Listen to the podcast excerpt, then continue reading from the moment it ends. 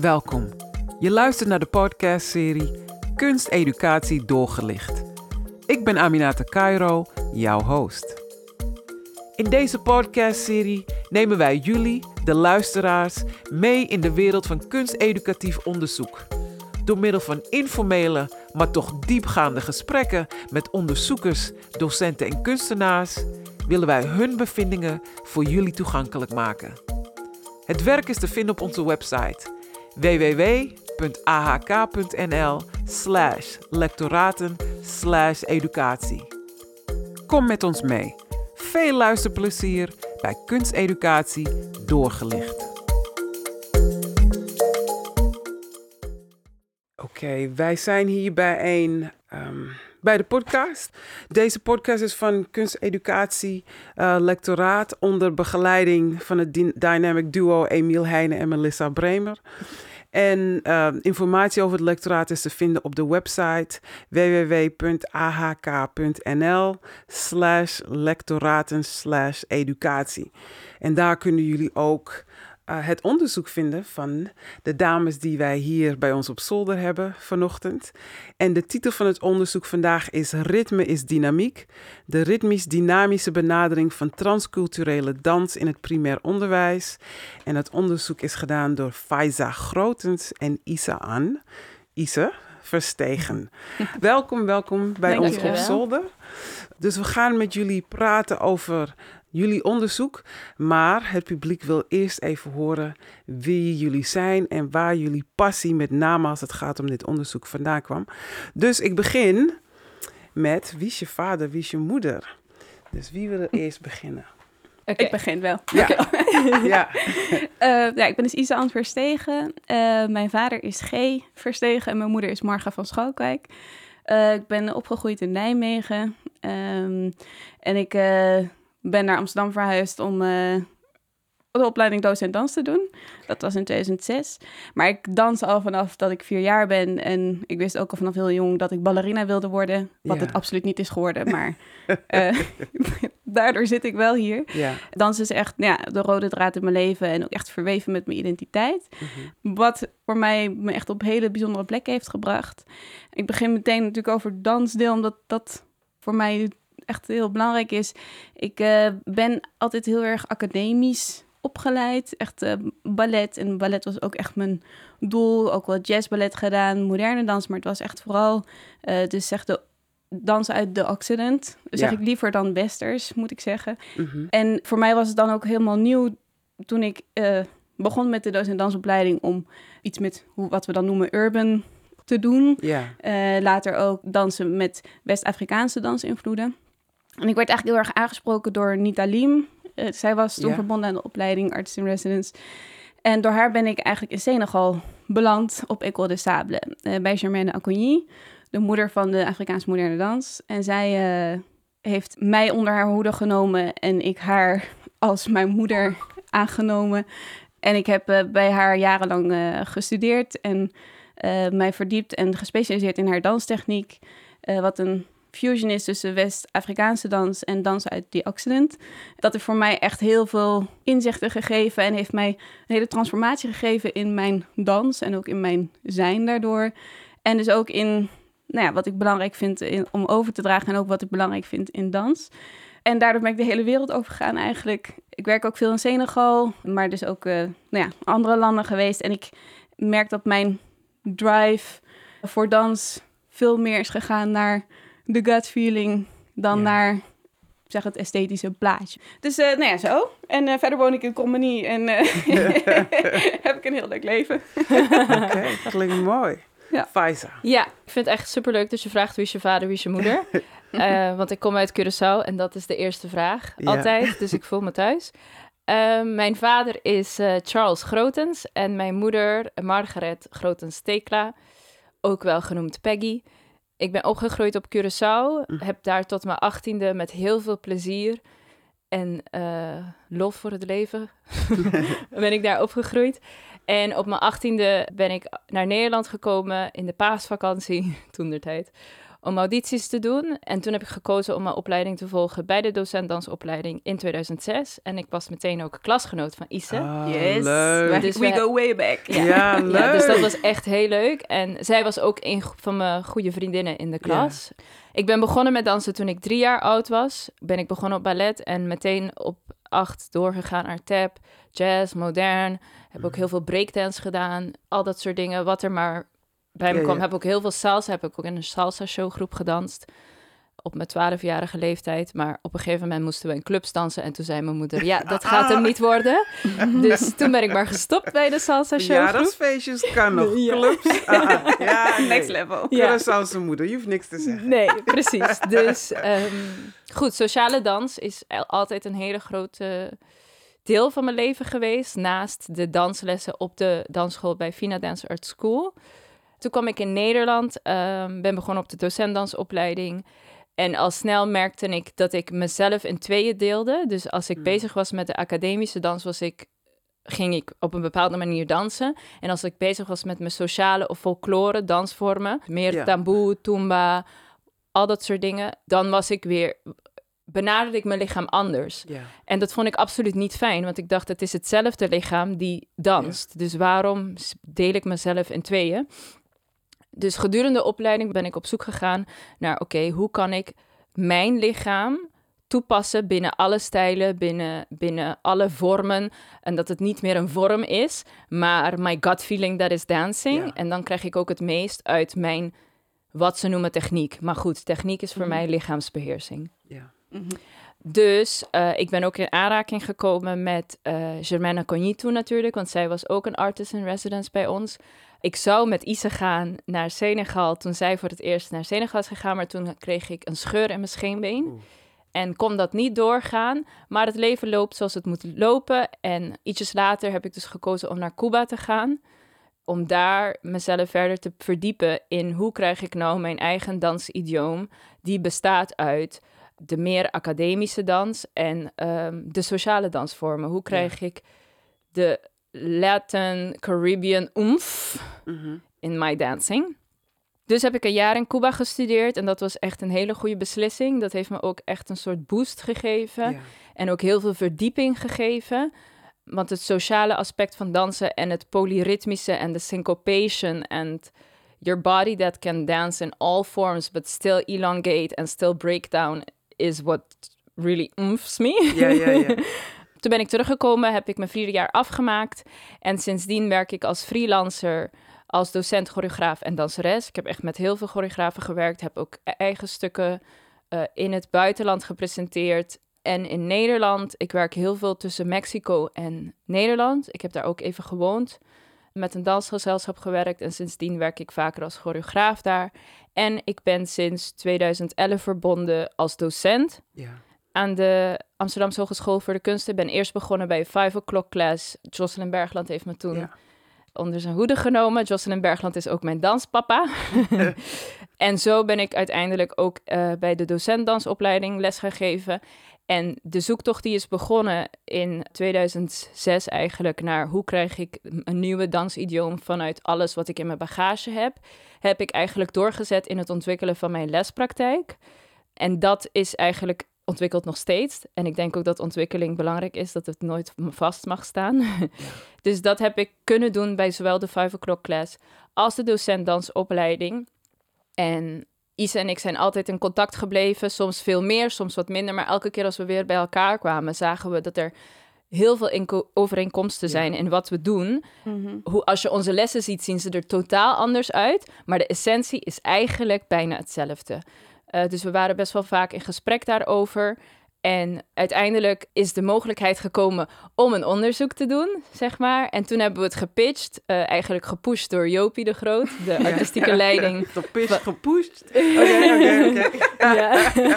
Ehm, en zodoende zijn we dit onderzoek gaan doen, omdat wij het Ja. beide belangrijk vonden om hier meer, Ja, meer iets tastbaars meer Ja. aan Ja. te geven. Ja, Ja, en wat misschien ook nog goed is om te zeggen, ik bedoel, we komen natuurlijk ook uit de opleiding van Jopie de Groot, dus de doos- en dansopleiding. En het is duidelijk dat wij ergens zijn aangehaakt bij Jopie, haar visie. En waarbij dus uiteindelijk die ritmisch-dynamische benadering, waar we het zo nog over gaan hebben, ja, eh, echt een heel belangrijk onderdeel Ja. is. Ja, ik denk dat het ook niet voor niets is dat wij allebei inderdaad al nou, sinds 2006 met Joopje, maar dan later eerst als student en later als eh, medewerker op de docent dansopleiding, maar zijn blijven doorzoeken en ook in contact zijn blijven doorontwikkelen eigenlijk in wat het, wat het nou is en waarom het belangrijk is ook. Ja, heel mooi.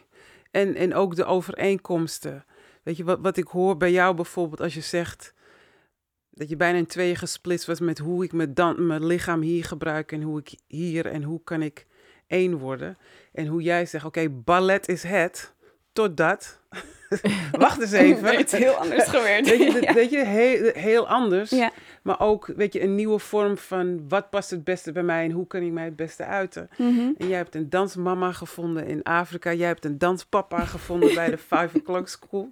En ook onder Jopie de Groot, hoe belangrijk het is om mentoren te hebben.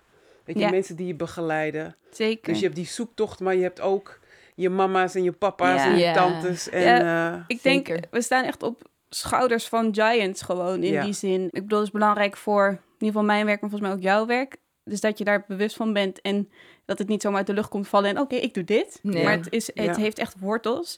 Ehm, en dat dat ook iets is wat ook in de benadering zo belangrijk is. Je, je danst niet alleen. juist. Ook al ben je een techni technisch aan het ontwikkelen of je bent eh, jezelf aan het verrijken, maar dat doe je niet alleen. Je doet dat met en door elkaar. Ja. Dus dat dat eh, heel belangrijk is.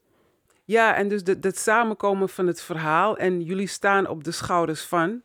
Maar nu zijn jullie ook de ouderen, want jullie geven nu les. En Mhm. nu gaat het om wat kunnen wij doen om door te geven aan die dansstudenten die wij ooit waren. En daarmee kun je zoveel mensen bereiken. Mhm. Ehm, en daar gaan we het nu dus over hebben. Ja. Yes. En dus twee dingen die al net benoemd zijn. Eén, we gaan het hebben over de ritmisch-dynamische dansbenadering.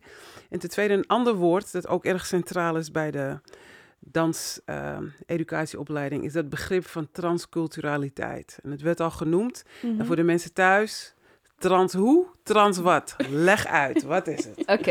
Ehm, goed, op de opleiding eh, zien wij transculturaliteit als dat cultuur en identiteit eigenlijk altijd in ontwikkeling is eh, door voortdurende interactie. Dus eh, je beïnvloedt elkaar letterlijk. Mhm. In de benadering in een les is het, zien wij het ook als dat de docent ook een learner is. En dus niet alleen maar zegt wat er gaat gebeuren, maar dat de studenten ook door hun achtergrond, interesses, belevingswereld en wat zij willen inbrengen, invloed hebben op wat er uiteindelijk in de les gedaan wordt. Ja. En om het verder te specificeren, zie ik ga het nu hebben over ik. Ja. zie ik het, eh, de transcultureel, of een transcultureel lichaam, een lichaam eigenlijk dat altijd zoekende is. En een bruggenbouwer is binnen het eigen lijf, binnen stijlen. Ja, dat. Dat was ook, zeg maar, waar ik het net over had, van naar Cuba gaan en verder zoeken naar het lichaam en niet Naar een, een, een techniek. Ja, ja, ja. Ja.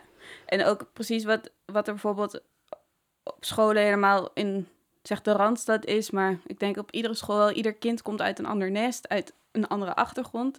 Dus dat neem je mee je klaslokaal in. Oké, je bouwt dus eigenlijk samen een nieuw, ja, een nieuwe cultuur met elkaar. En dat is ook wat je, wat wij in ieder geval hebben ervaren, dat je ook in je lichaam doet. Je hebt één lichaam, daar komt alles in samen. Je, je bouwt eigenlijk in je lichaam en dan in een les met elkaar een nieuwe ja, cultuur, een nieuw lichaam. Waarin ook wel bruggen worden gebouwd, heel belangrijk. Maar het ook op een gegeven moment geen bruggen meer zijn, maar het gewoon Vanzelfsprekend. ja. En dat er dus ook echt heel belangrijk erkenning en herkenning is van wat er allemaal binnen dat lichaam zit. Hoe je binnenkomt is wie je bent en dat is gewoon perfect. En je gaat vanuit daar meer informatie krijgen, doorbouwen, et cetera. Ik benoemde het zelf ook net, van je hebt je bagage. Maar ik wil het eigenlijk niet meer zo noemen. Heb ik nu besloten op dit moment. Want je bagage is naast je. En dat is Hmm. dus niet van je. Ja, niet in je noodzakelijk. Ja, precies. Maar het zit wel in je. Eigenlijk is je lichaam een, een ladekast met allemaal archieven, zeg maar. Dus Ja. nu, vanaf nu ga ik dat niet meer zeggen, maar... Ja, ja, ja. Nee, maar je zei iets heel moois. Je zei, wat je brengt is perfect. ja. Veel van onze kinderen krijgen die boodschap niet. Nee, Helemaal niet als ze naar school toe gaan. nee. Wat je brengt is perfect. Ja. Dus dat is een hele mooie Ja. boodschap. En dat is ook echt onze, een van de belangrijkste dingen voor ons. Wat we hebben gemerkt ook tijdens het lesgeven is ehm, binnen dit onderzoek, maar ook in onze eigen lespraktijken, is altijd vanuit het positieve benaderen en vanuit de mogelijkheden en de kansen die er zijn en niet wat er niet is en horen tot een perfect plaatje of tot een vorm. Want vooral in de dansles moeten de leerlingen zichzelf kunnen zijn. Ik hoop dat mensen... Zeg het nog een keer, zodat die mensen thuis dat goed horen. Want dit, dit hoor je niet vaak. Zeg het nog een keer. Ja, dus eigenlijk heb ik het nu over dansles, want dat is ons vak. Maar het is heel belangrijk dat de leerlingen weten dat wie ze zijn, dat al goed genoeg is. Mm. En dat met dat wat ze zijn, wij verder gaan werken. Dus we werken altijd vanuit de positieve benadering, mogelijkheden en kansen, want je bent goed genoeg. Yes, ik wil bij jou op les komen, nu. Ik ga mijn kinderen brengen, nu. Geweldig. Nee, maar serieus. Ja. Je weet, dit is niet wat onze kinderen... Nee, ja, en daarom, ik kom zelf dus echt vanuit het idee ballerina. Nou ja, Ja. dan moet je in een hokje passen en dat past bijna niemand. Bij mij is het ook echt wel een, een personal journey geweest om tot dat punt te komen. En ik heb dat gevonden bij Germaine Acogny en hoe zij het lichaam benadert. Waarin ook al die verschillende dingen bij elkaar komen die we net hebben benoemd over transculturaliteit. Maar ook de filosofie achter het werk, wat heel erg gestoeld is op meer traditionele manier van dansen in de Senegambia region. Ja. Ehm, je doet het samen en je, je brengt wie je bent. En Ja. echt, nou ja, toen, ik- toen ik dat kon embodyen, dat, dat ik en mijn lichaam oké waren, Ja, kwamen er hele andere dingen. Mhm. ja. Ja. Heel mooi. Oké, laten we overgaan op eh, ritmisch-dynamische benadering. Jullie hebben Yes. een onderzoek gedaan. En ehm, jullie hebben een uniek onderzoek gedaan. En ik denk ook... Ik ken Jopie, ik, ik, ik weet wie jullie directeur is. Dus ik Mhm. weet ook door haar aansturing, het feit dat zij jullie de ruimte geeft als professionele. Jullie hebben ook allebei aangegeven dat je bij haar kan je onderzoeken en jezelf verder ontwikkelen als docent. Wat dan weer bijdraagt aan de opleiding en aan de studenten. Dus jullie hebben je eigen lespraktijk onderzocht met het doel om dat verder te ontwikkelen en te professionaliseren. Mhm. En jullie hebben je dus gericht op ritmisch-dynamische dansbenadering. Kan je aangeven hoe dat eruit zag? Eh, eerst gingen we dus kijken van wat is nou eigenlijk het probleem. Ja, En eh, toen kwamen we er heel snel achter dat, oké, we hebben het allemaal over ritmisch-dynamische benadering. De docenten die daar lesgeven weten voor zichzelf wat het is. Maar wat is het eigenlijk? Is er formele kennis hierover? Nee. Dat was het probleem. ja, Toen moesten we eigenlijk gaan kijken van, oké, welke kennis is er wel en hoe kunnen we dit verzamelen om verder onderzoek te doen, om het ook te kunnen onderbouwen. Daarvoor hebben we één half gestructureerde interview gedaan en één focusgroep interview met kerndocenten van Ja. de opleiding. Aan de hand daarvan hebben we de kenmerken van de ritmisch-dynamische benadering in kaart gebracht. Daarvoor zijn we dus eh, de literatuur ingegaan Ja. om het theoretisch te kunnen onderbouwen en nieuwe dingen eigenlijk erbij te bevinden. Aan de hand daarvan hebben we dan lessen ontworpen. De eerste lessenserie heeft Ise gegeven op een basisschool in Amsterdam. Die heb ik geobserveerd met een observatieformulier en Ise zelf ook via videoanalyse geanalyseerd. Daar hebben we het over gesproken. Wat, zijn, wat komen we tegen? Wat zijn de mogelijkheden? Wat zijn de moeilijk- moeilijkheden? Wat doe je eigenlijk? Wat doe je niet? ja. Nou, dat helemaal uitgewerkt. En met, daarmee ben ik dus mijn tweede, zijn wij, mijn tweede lessenserie gaan ontwerpen. En hebben we precies hetzelfde eigenlijk gedaan Ja. bij mijn lessen. En zo weer alles bij elkaar gehaald en verder uitgewerkt tot ritme is dynamiek. Oké, geweldig. En dus nu is het er officieel. Ja. Yes. Nu is het er officieel. Vertel over je ervaring. Hoe was dat om dat te doen? Nieuw Ja, en heel tof en uitdagend. Wij staan vaak met de voet in de modder, is ook het ja, wil omschrijven. Dus je bent op een intellectuele manier op de vloer bezig eigenlijk. Eh, want mensen vaak, denken wel vaak van, oh, dans, dan ben je leuk aan dansen. Nou ja, het omvat heel veel verschillende dingen, maar niet zoveel op papier. Eh, en dan helemaal niet in een echt eh, onderzoek voor een lectoraat kunsteducatie. ja, ja. Eh, dus wij hebben met Melissa heel veel samengewerkt om voor ons die, die tools eigenlijk beter te ontwikkelen, zodat we dat, dat goed konden doen. En het was uiteindelijk heel tof om wat je intuïtief hebt opgebouwd door op die schouders te staan van Giants, uh, om dat te kunnen onderbouwen met, met wetenschap en literatuur. En dat dan uiteindelijk uh, zelfs ook nog een stapje verder te kunnen brengen door die literatuur weer verdieping te krijgen in wat je aan het doen bent. Aan de ene kant was het heel pittig, maar ook, uh, ja, ik heb ook wel van genoten, moet ik zeggen. Dus, ja, en het heeft ons ook wel veel gegeven, denk ik, omdat wij daardoor ook duidelijker kunnen verwoorden wat we doen. Ja. Het waren voor mij echt persoonlijk de beste lessen die ik ooit heb gegeven op een basisschool, zeg maar. Mm het ging echt super goed. En ik denk ook omdat we zo erin zaten en elkaar ook corrigeerden en elkaar ook feedback gaven van uh, oké, dit kan beter, dit moet anders. Of wacht, waarom lopen we hier tegen? Hoe kunnen we dit oppakken? Ja. Teruggaan naar aantekeningen, teruggaan naar de theorie. En de studenten, de groep waar we het uh, aan hebben gegeven, dus uh, de, de basisschoolgroep, die heeft het ook als heel erg fijn ervaren. Dat was echt leuk om te zien. Geen student heeft afgehaakt. Van de ongeveer 45 studenten die les hebben gekregen, dus wel in twee groepen. Hè? Ja, ja, ja, ja. Uh, heeft iedereen altijd, de lessen duurden anderhalf uur. Maar zeg maar, we waren denk ik 75 minuten bezig met dansen. Mm. Iedereen heeft het altijd volgehouden. En dat was voor ons echt heel tof om te zien. En nu kunnen we het ook verder gebruiken om uh, de docenten in opleiding van de docentdansopleiding in voor te bereiden en uh, zeg maar lespraktijklessen geven als voorbereiding op hun stages in het basisonderwijs. Dus er is een hele grote intrinsieke motivatie waarom we dit onderzoek zijn gaan doen. Ja. Maar er is ook een ander doel, namelijk hoe geef je dus aan de student in opleiding, dus de docent in opleiding, mee wat dat nou precies is en hoe je het kan aanpakken om op een ritmisch dynamische manier les te geven. Ja. ja, dus echt de tools aanreiken. Ik heb gelezen, jullie hadden Um, dus als het ging om de kenmerken, jullie hadden drie, zeg maar, categorieën, noem ik ze maar. Mm -hmm. uh, holistische didactiek, inhoud van de ritmisch-dynamische benadering, als je het hebt over polyritme, polycentrisme, ex expressiviteit en attitude.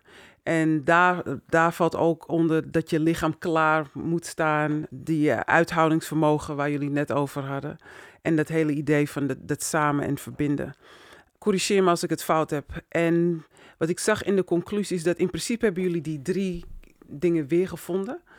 Maar wat daarbij kwam, nadat jullie helemaal de verdieping, is weer het belang van die transculturaliteit. Mhm. Ja, aan de hand van de interviews hebben we dat niet per se als kenmerk uh, in kaart gebracht.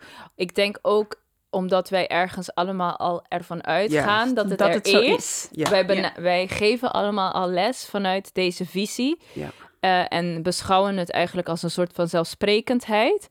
En toen Ise de eerste lessen aan het geven was, heb ik heel veel notities gemaakt over hoe zij altijd positief bleef benaderen, hoe zij vanuit de mogelijkheden ging werken, hoe zij uh, kleine handelingen, zoals letterlijk iemand die zegt, ai, ik ben moe, dat in de, dat in de, dus de zweet afvegen van het hoofd verwerkt in een dans, de geluiden die ze maken ook verwerken in de eindcombinatie mm. aan het einde. En ging ik allemaal opschrijven wat ze doet en wat goed werkte. En toen gingen we dus weer kijken en toen, toen, zeiden we, is dit nou niet gewoon een transculturele houding? Ja, want het was heel natuurlijk om het te doen. Ik bedoel, ik werk altijd zo. Maar ja, ja het is, ja. Niet, ja, het is niet, niet iedereen werkt zo. Ja, ja. dus uh, ja. En wat ik ook nog heel erg wil zeggen is, we hebben ook echt heel goed gekeken naar, oké, okay, waar gaan we lesgeven? wat interesseert deze kinderen?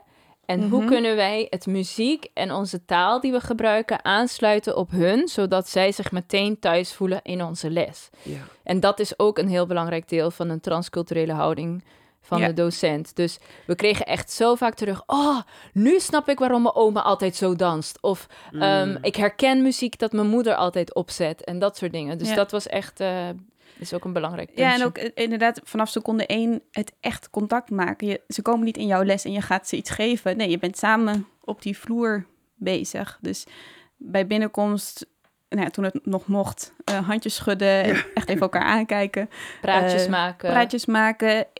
Eigenlijk alles in de kring doen, zodat iedereen uh, egalitair aan elkaar ja. in, de, in de ruimte staat. Allemaal dingen die we toen eigenlijk merkten van, oh ja, dit moeten benoemen. Ja. ja, en zo kwam het ook over toen ik het las. Weet je, want jullie hadden al precies diezelfde categorieën. En het enige wat we toegevoegd. En toen, toen las ik, denk, volgens mij was het voor hun zo vanzelfsprekend dat ze ervan uitgingen, ja, maar dit doen we gewoon. Mhm. En dat het, weet je, maar toen je de tijd om echt om het op video en echt, dat je van, oh nee, maar dit is, dit is iets heel specifiek. En maar ook het belang om het te benoemen, zodat je het kan overdragen weer eh, weet je, aan, aan die docenten in opleiding. Ja, en het zit in de hele kleine dingen. En ook op video dat je echt zag van, oké, ehm, een moment waarbij er misschien twee jongetjes ietsjes minder goed meededen. En er twee jongens waren die heel goed meededen. Zag ik dus Ise echt kijken naar die twee jongens die minder goed meededen. En toen dacht ze, it's fine. En toen ging ze naar die twee andere jongens die het wel heel goed meededen. Zei ze, wow, ja, hoe doe je dat? Oké, laten we allemaal zoals hem doen. En iedereen, die andere twee jongens die dan minder goed meededen, waren meteen engaged. Dus het zijn echt van die hele, hele kleine dingetjes. En dit kan je ook zeggen, dit hoeft niet per se een transculturele houding te zijn, toch? Helemaal niet. Maar eh, het zijn wel dat soort dingen die met alle andere gedachten vanuit de visie dan het een geheel maken. Want je had ook kunnen zeggen van jullie doen weer niet mee. Ja, precies. En, en dan de hele boel stilleggen. ja, en, eh, ja. Weet je? Ja. Nee, Eigenlijk eh, nooit de boel stilleggen. Dat hoort niet bij ritmisch dynamisch. bijna nooit. Oké. Er was één zin die ik las, waar je, waar je zegt... de opbouw en verdieping van de oefeningen luistert erg nauw. Mhm. Kun. Kan je herinneren dat je dat hebt geschreven? Mhm. Kun je, daar, kun je dat een beetje uitleggen? Ja, wat een heel belangrijk aspect is, is ongoing en endurance. En dus eh, het doorgaan en uithoudingsvermogen. Ja.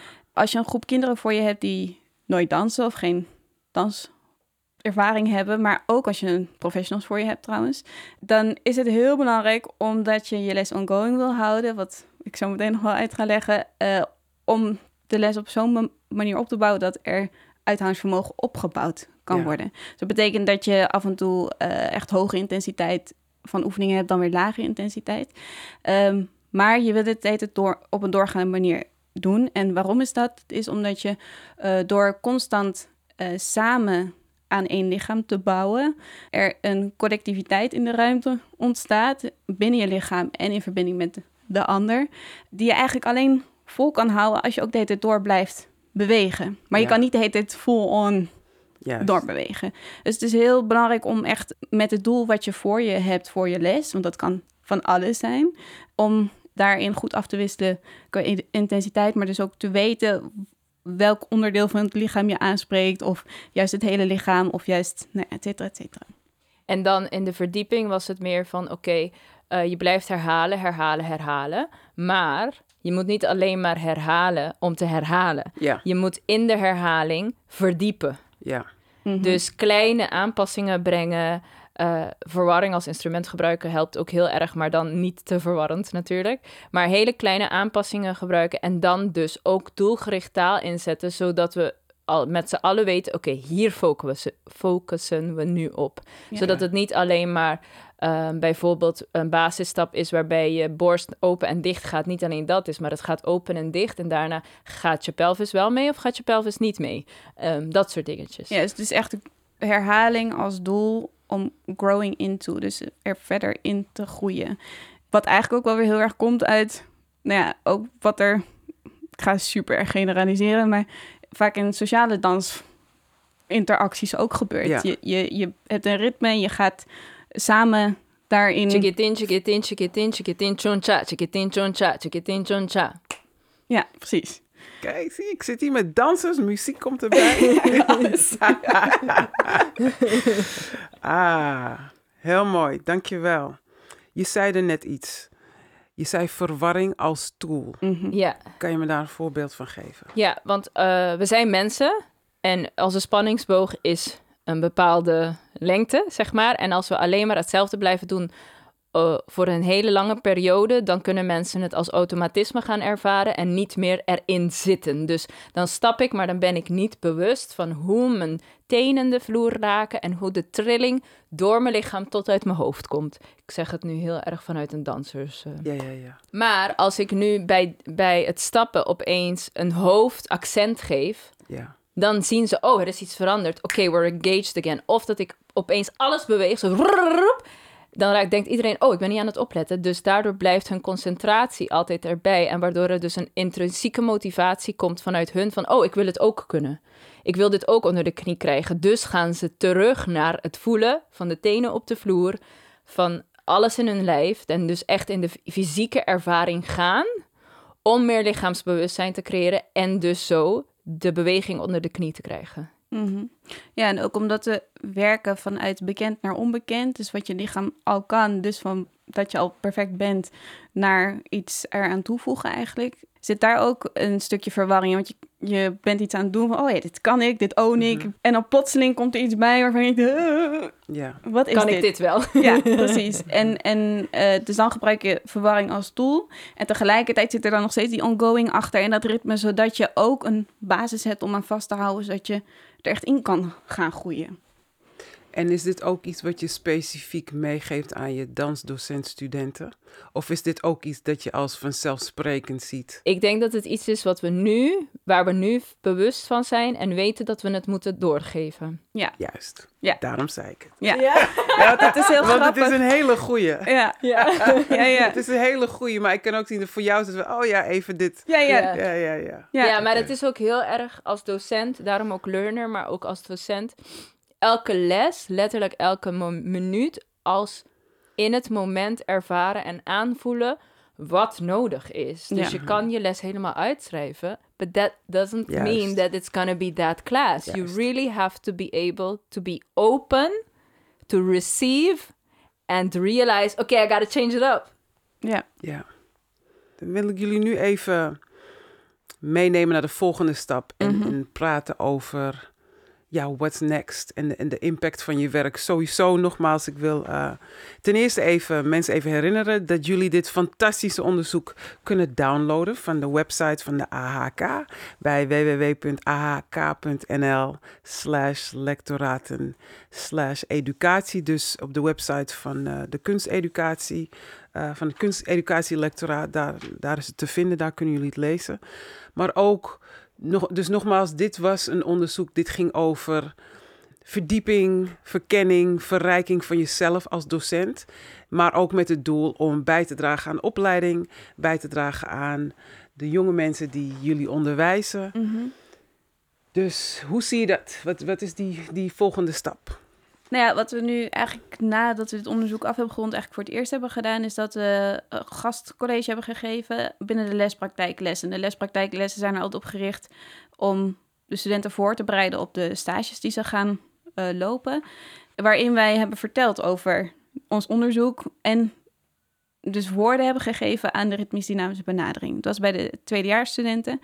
Want zij hebben al wel fysiek dingen ervaren, maar zonder dat ze ook eigenlijk bewust zijn van dat doen? dit het is. Juist. Dus dat was eigenlijk een eerste stap daarin. Het is ook wel iets wa- wat we verder gaan uitbouwen. ehm, omdat dat eigenlijk uiteindelijk het doel is. Het is leuk dat wij dit als docenten van de opleiding docent dans eh, geven aan, aan de studenten. Maar het is eigenlijk de bedoeling dat zij ook hiermee verder gaan. Ja, dus eigenlijk in die les gingen we echt voornamelijk kijken van... oké, ja, ritmisch-dynamische benadering. How do you start doing that? Mhm. Dus wat zijn de stappen die je moet nemen? Wat zijn voorbeelden die je kan toepassen? Eh, ook gewoon heel simpel van... wij hebben deze oefeningen zo opgepakt. Dat betekent niet dat jij het zo moet doen... maar dit is wel een houvast voor je. Um, en, en wat betekent nou die ritmisch-dynamische benadering voor jou? Want het is belangrijk om te noemen dat dit dus echt niet stijl eh, gebonden is. Dus Ise heeft het net iets anders gegeven dan mij. Nu hebben we inderdaad wel heel veel similarities. eh, want waar ik uit pluk is inderdaad wel ook het Cubaanse. Het Cubaanse komt weer van de Afro-Caribische. Mhm. En het Afro-Caribische komt weer uit Afrika. Goed. eh, Which is huge, but... ja, maar en dat- ja, dat. Ja. Maar het heeft wel de, het polyritme, ehm, Ja, de polycentrisch. grounding, Ja, ja, ja. et cetera. Maar dit kan je eigenlijk ook gewoon in een moderne les doen. Eh, die absoluut niet geïnspireerd is op de African diaspora of Caribische whatever. Ja. Ehm, maar het gaat er wel om dat ritme dus, het samenbouwen van ritme in de groep. En dat het lichaam als ge- één, verschillende lichamen in de groep die één lichaam vormen, die muziek maken. Eh, hoe doe je dat? Wat, hoe, dat is eigenlijk wat, waar we nu mee bezig zijn met hun. Eigenlijk hebben we nu één les gegeven en zo gaan we dan verder. Maar ik, het zijn ook stagebegeleiders. En dus in die zin, Ja. als je de lessen ziet en je ziet dingen die goed gaan, zeg jij, ben je bewust dat je dit aan het doen bent? Of dingen die anders kunnen, je zou het Ja. ook zo kunnen uitpakken. Ja. Ja, nou, je, hebt- je mijn vraag al beantwoord. Hoe houd je je dansvorm cultuurvrij en niet afrocentrisch gefocust? Ja, su-? Weet je, omdat, omdat ik zag, Mhm. oké, Afrikaans, Afro-Cubaans, de African roots is strong and I love it. Maar ik vroeg me dus af hoe, ehm, weet je, hoe neem je dat verder? Maar ja, Ja. dat, heb, dat Nou ja, heb je en dus dat is misschien wel een grappig voorbeeld, maar ik, ik dat is alweer een hele tijd terug dat ik daarmee ben begonnen. Ik, ik was gevraagd door eh Germaine op École de Sable klassiek ballet te geven aan dansers van het hele Afrikaanse continent eigenlijk, om hun nieuwe informatie te geven die ze nog niet eerder hadden gehad. En ik dacht, ja, leuk. En dan? Wat heeft dit voor een zin? En toen ben ik eigenlijk vanuit haar techniek, die ook heel eh, echt gewoon compleet ritmisch dynamisch is, waar ook veel van ons onderzoek op is gestoeld eigenlijk. En ik denk ook wel veel van de visie van Jopie, maar daar moet ze eigenlijk zelf meer over vertellen. Maar om vanuit haar benadering van dans te gaan werken en dus ook benadering van het lichaam en zo dan ook klassiek ballet te gaan geven. Mhm. Ehm, dus ik, ik, nee, de eerste keer dat ik dat deed, was ik echt nog heel erg aan het zoeken natuurlijk. Maar beetje bij beetje kom je echt steeds meer eigenlijk tot ook een polyritmisch dansend lichaam dat een techniek als klassiek ballet aan het eh, ontwikkelen is of aan toevoegen is aan dat hele vocabulaire wat in dat lichaam zit. Want eigenlijk is het gewoon heel belangrijk dat je als je een les geeft voor jezelf vaststelt, oké, wat doe ik eigenlijk? Wat zijn mijn principes? Wat leer ik deze mensen? Wat, waar werk ik aan zodat dat in het lichaam van de persoon die voor me staat binnenkomt? En als je dat weet, dan kan je verder gaan kijken, oké, hoe ga ik het verder uitpakken? Ja. Dus ehm, mijn principes zijn net iets anders dan die van Isa. En als ik lesgeef in het PO is het ook anders dan als Ja. ik lesgeef aan de docenten in opleiding, op de docenten als Ja, opleiding. Ehm, en daarom is, noem, willen we er ook geen stijl op plakken of een naam eraan geven. Nee, we dansen gewoon. Ja, het is een dansend lichaam. Ja. Met heel veel ritmes. Ja, zeker. Ehm, inclusiviteit. Jullie weten, mijn achtergrond is inclusiviteit. Mhm. En jullie hebben het al benoemd, maar ik wil jullie het woord geven. Ehm, hoe komt inclusiviteit terug in het werk dat je doet, met name dit onderzoek dat je net hebt, dat je net hebt gedaan? Ja, ik denk eigenlijk dat het bijna key is voor eh, deze manier van werken. Het is en een motivatie, maar eigenlijk ook een, een doel. Mhm. Omdat waar je van uitgaat is dat, eh, ja, ik zei het ook al weer eerder, maar ieder, iedereen is even belangrijk.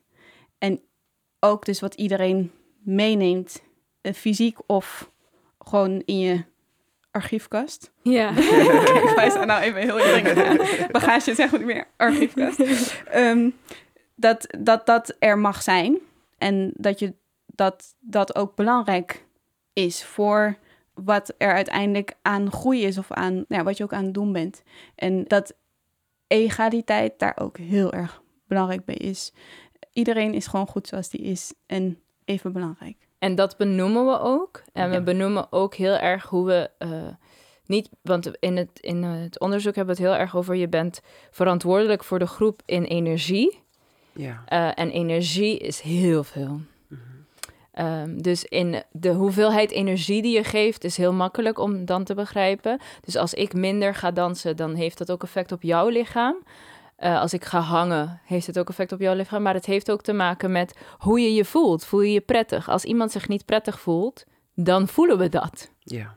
En inclusiviteit en diversiteit en dat als vanzelfsprekendheid eh, benaderen. Mhm. Dat, ja, voor mij is het echt niet anders dan. Ik ben opgegroeid op Curaçao, dus ja, ehm, ik ben opgegroeid tussen iedereen en alle culturen, alle achtergronden, maar ook hoe we op school eh, hebben leren omgaan met verschillende culturen, verschillende achtergronden, verschillende interesses.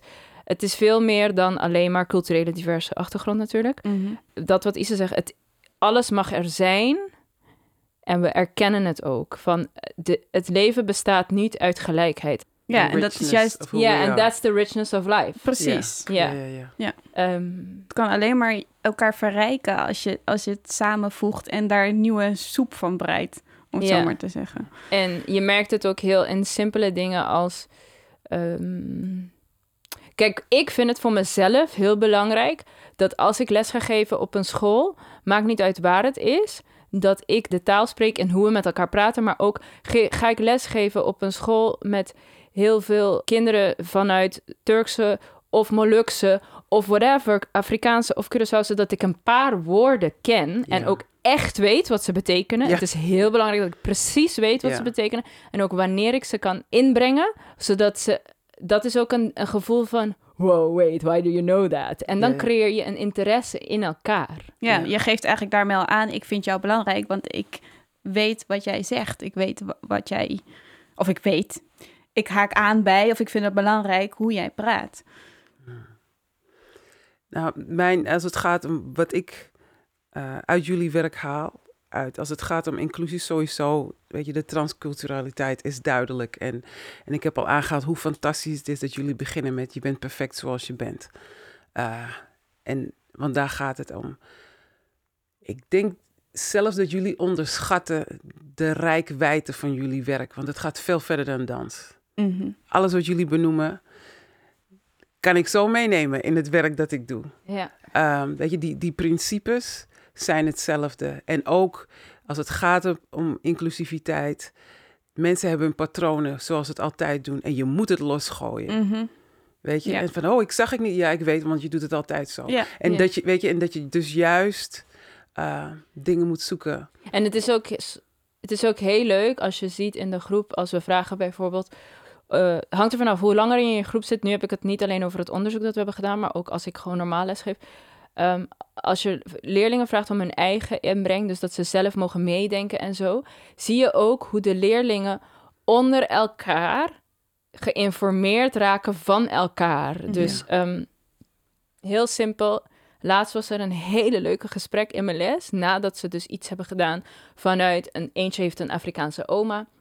En dan gingen ze dus over fufu praten. En hoe fufu daar wordt gemaakt en hoe fufu hier wordt gemaakt. En hoe je fufu niet mag eh kauwen en sabbelen en du. Allemaal dingen, weet je. Maar dan met mensen uit verschil. En ik zat daar en ik keek er naar jonge kids. Hè, en ik dacht dat dit gewoon zo vanzelfsprekend gebeurt. En iedereen interesse heeft in elkaar en meepraat. En het is, wat je zegt, het is niet alleen het dansen. Vanuit, oh, mijn oma danst altijd zo. Oh, op welke muziek dan? Oh, waar komt die muziek dan vandaan? En snap je? Dat, dat is echt... ehm, Ja, en ik denk, ik denk dat het heel belangrijk is wat je zegt. Want ik denk dat we hebben allemaal een lichaam. Mhm. En iedereen kan dansen. Al is het niet fysiek, dan kan je het ook in je hoofd.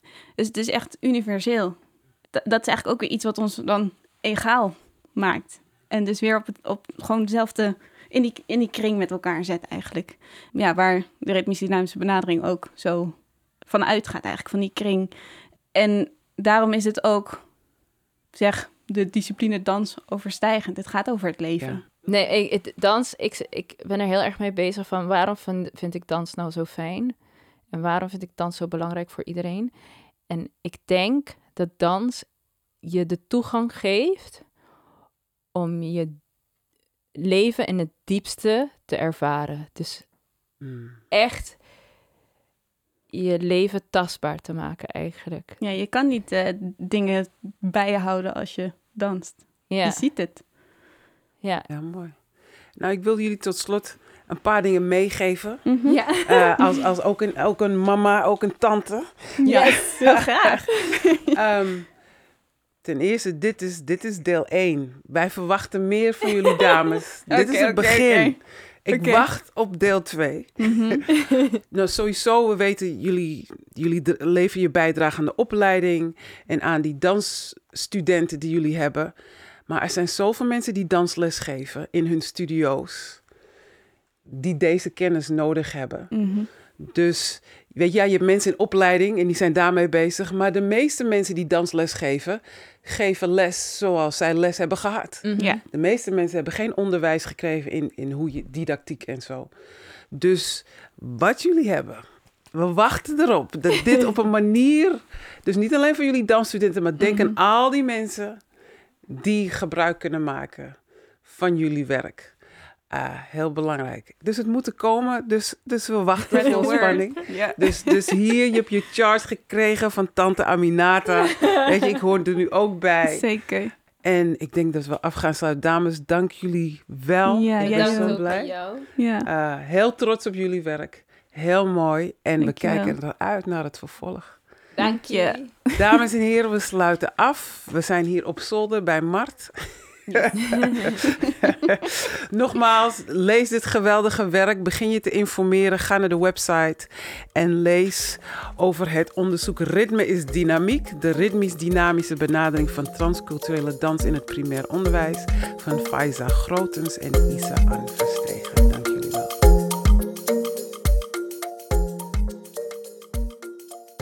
Bedankt voor het luisteren naar de podcastserie Kunsteducatie doorgelicht. Deze podcastserie zou niet tot stand zijn gekomen zonder de geweldige bijdrage van een aantal mensen. Mart Jeninga van Podcast Studio Amsterdam, die de podcast produceert. Alle onderzoekers, kunstdocenten en kunstenaars die deelnemen aan de podcast. Sanne Kersten voor de productie en Maaike Besseling voor het logo. Mijn naam is Aminata Cairo. Wil je op de hoogte blijven van nieuwe onderzoeken en podcasts van het lectoraat Kunsteducatie? Schrijf je dan in op de nieuwsflits van het lectoraat dat te vinden is op onze website www.ahk.nl